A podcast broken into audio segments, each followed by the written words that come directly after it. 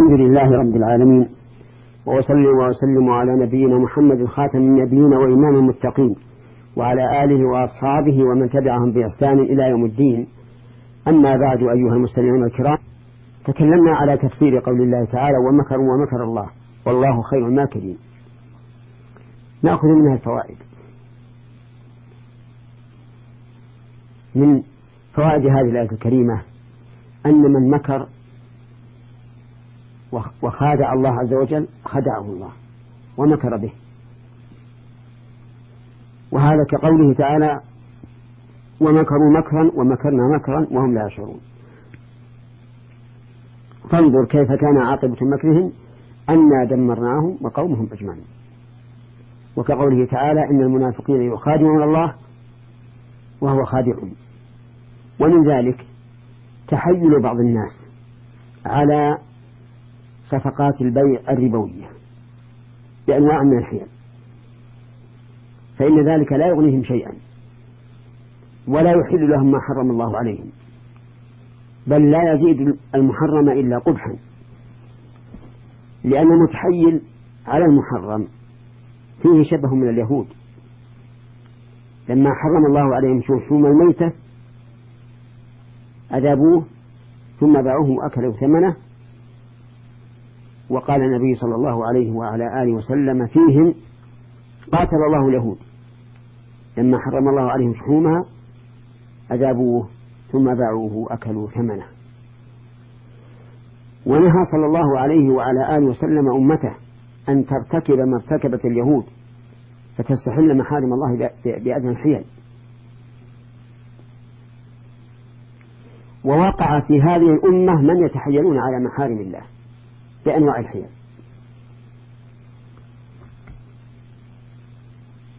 فصدق فيهم قول النبي صلى الله عليه وعلى آله وسلم محذرا أمته قال لتركبن طبق لتركبن سنن من كان قبلكم حذو القدة بالقدة قالوا اليهود والنصارى قال قال نعم.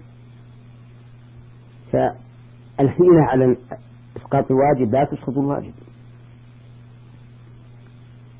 والحيلة على المحرم لا تجعله حلالا فليحذر المسلم من ارتكاب الحيل في البيع والشراء والإجارة والرهن وغير ذلك. ومن فوائد الآية الكريمة إثبات صفة المكر لله عز وجل. وهي دليل على كمال صفاته.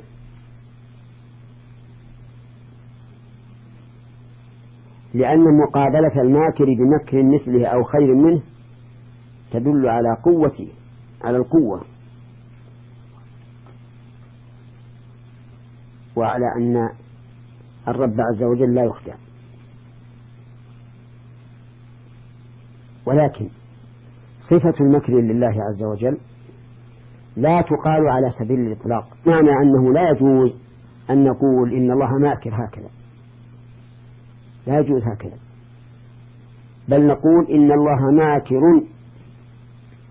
بمن يمكر بدينه. وما أشبه ذلك. أو نقول إن هؤلاء يكيدون للإسلام ويمكرون بأهله والله خير الماكرين.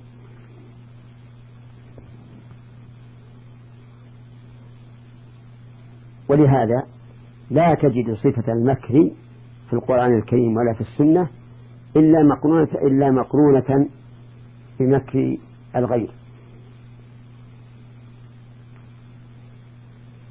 ومثل ذلك الكيد. يثبت لله عز وجل لكن في مقابلة من يكيد له. كما قال عز وجل إنهم يكيدون كيدا وأكيد كيدا.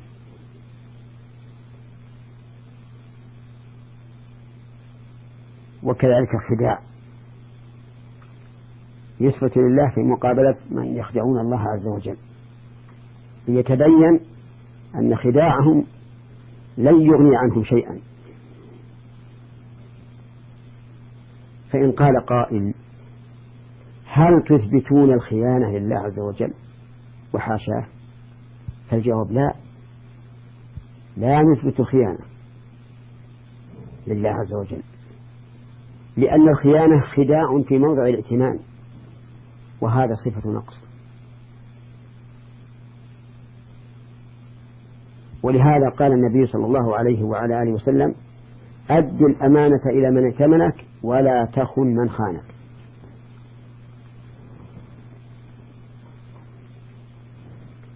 وعلى هذا فقول بعض العوام لمن يريد أن يطمئنه على الأمانة يقول إن خنتك فالله يخونني أو يقول بعضهم خان الله من يخون. فإن هذا حرام لا يحل. لأن الخيانة صفة ذميمة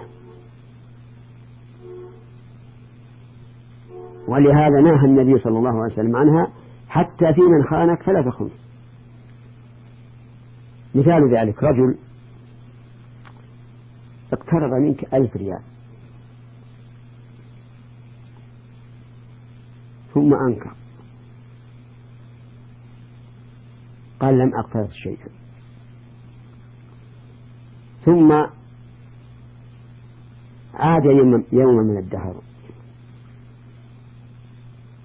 وباع عليك شيئا بألف ريال.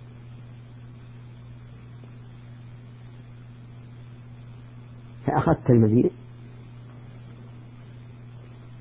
ثم قلت سأدعي أنني أوفيته السنة. ألف ريال لأنه خدعني في الأول فنقول لا هذا حرام. لأن رجل ائتمنك فأدي الأمانة إليه.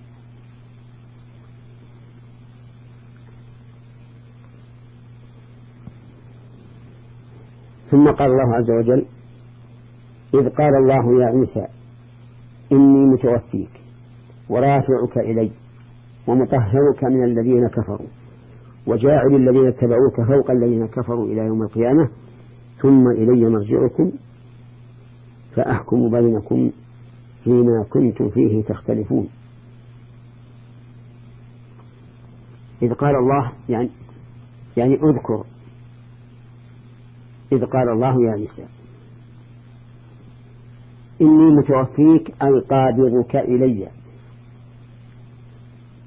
وذلك بأن الله ألقى عليه النوم ثم حمله إلى السماء. فهو الآن في السماء جسما وروحا.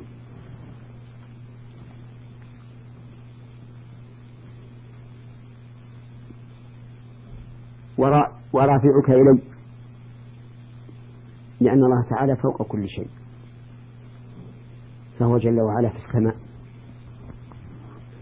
ومطهرك من الذين كفروا. أي من أرجاس الذين كفروا. فلا ينالك منهم شيء. وجاعل الذين اتبعوك فوق الذين كفروا إلى يوم القيامة. جاعل الذين اتبعوك أي تعبدوا لله تعالى برسالتك كالحواريين. فوق الذين كفروا فلم يتبعوك إلى يوم القيامة.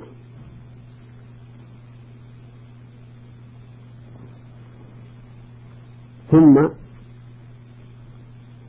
بعد نهاية الدنيا إلي مرجعكم أنت ومن آمن بك ومن خالفك. فأنبئكم بما كنتم فيه تختلفون. أي أخبركم بما كنتم فيه تختلفون.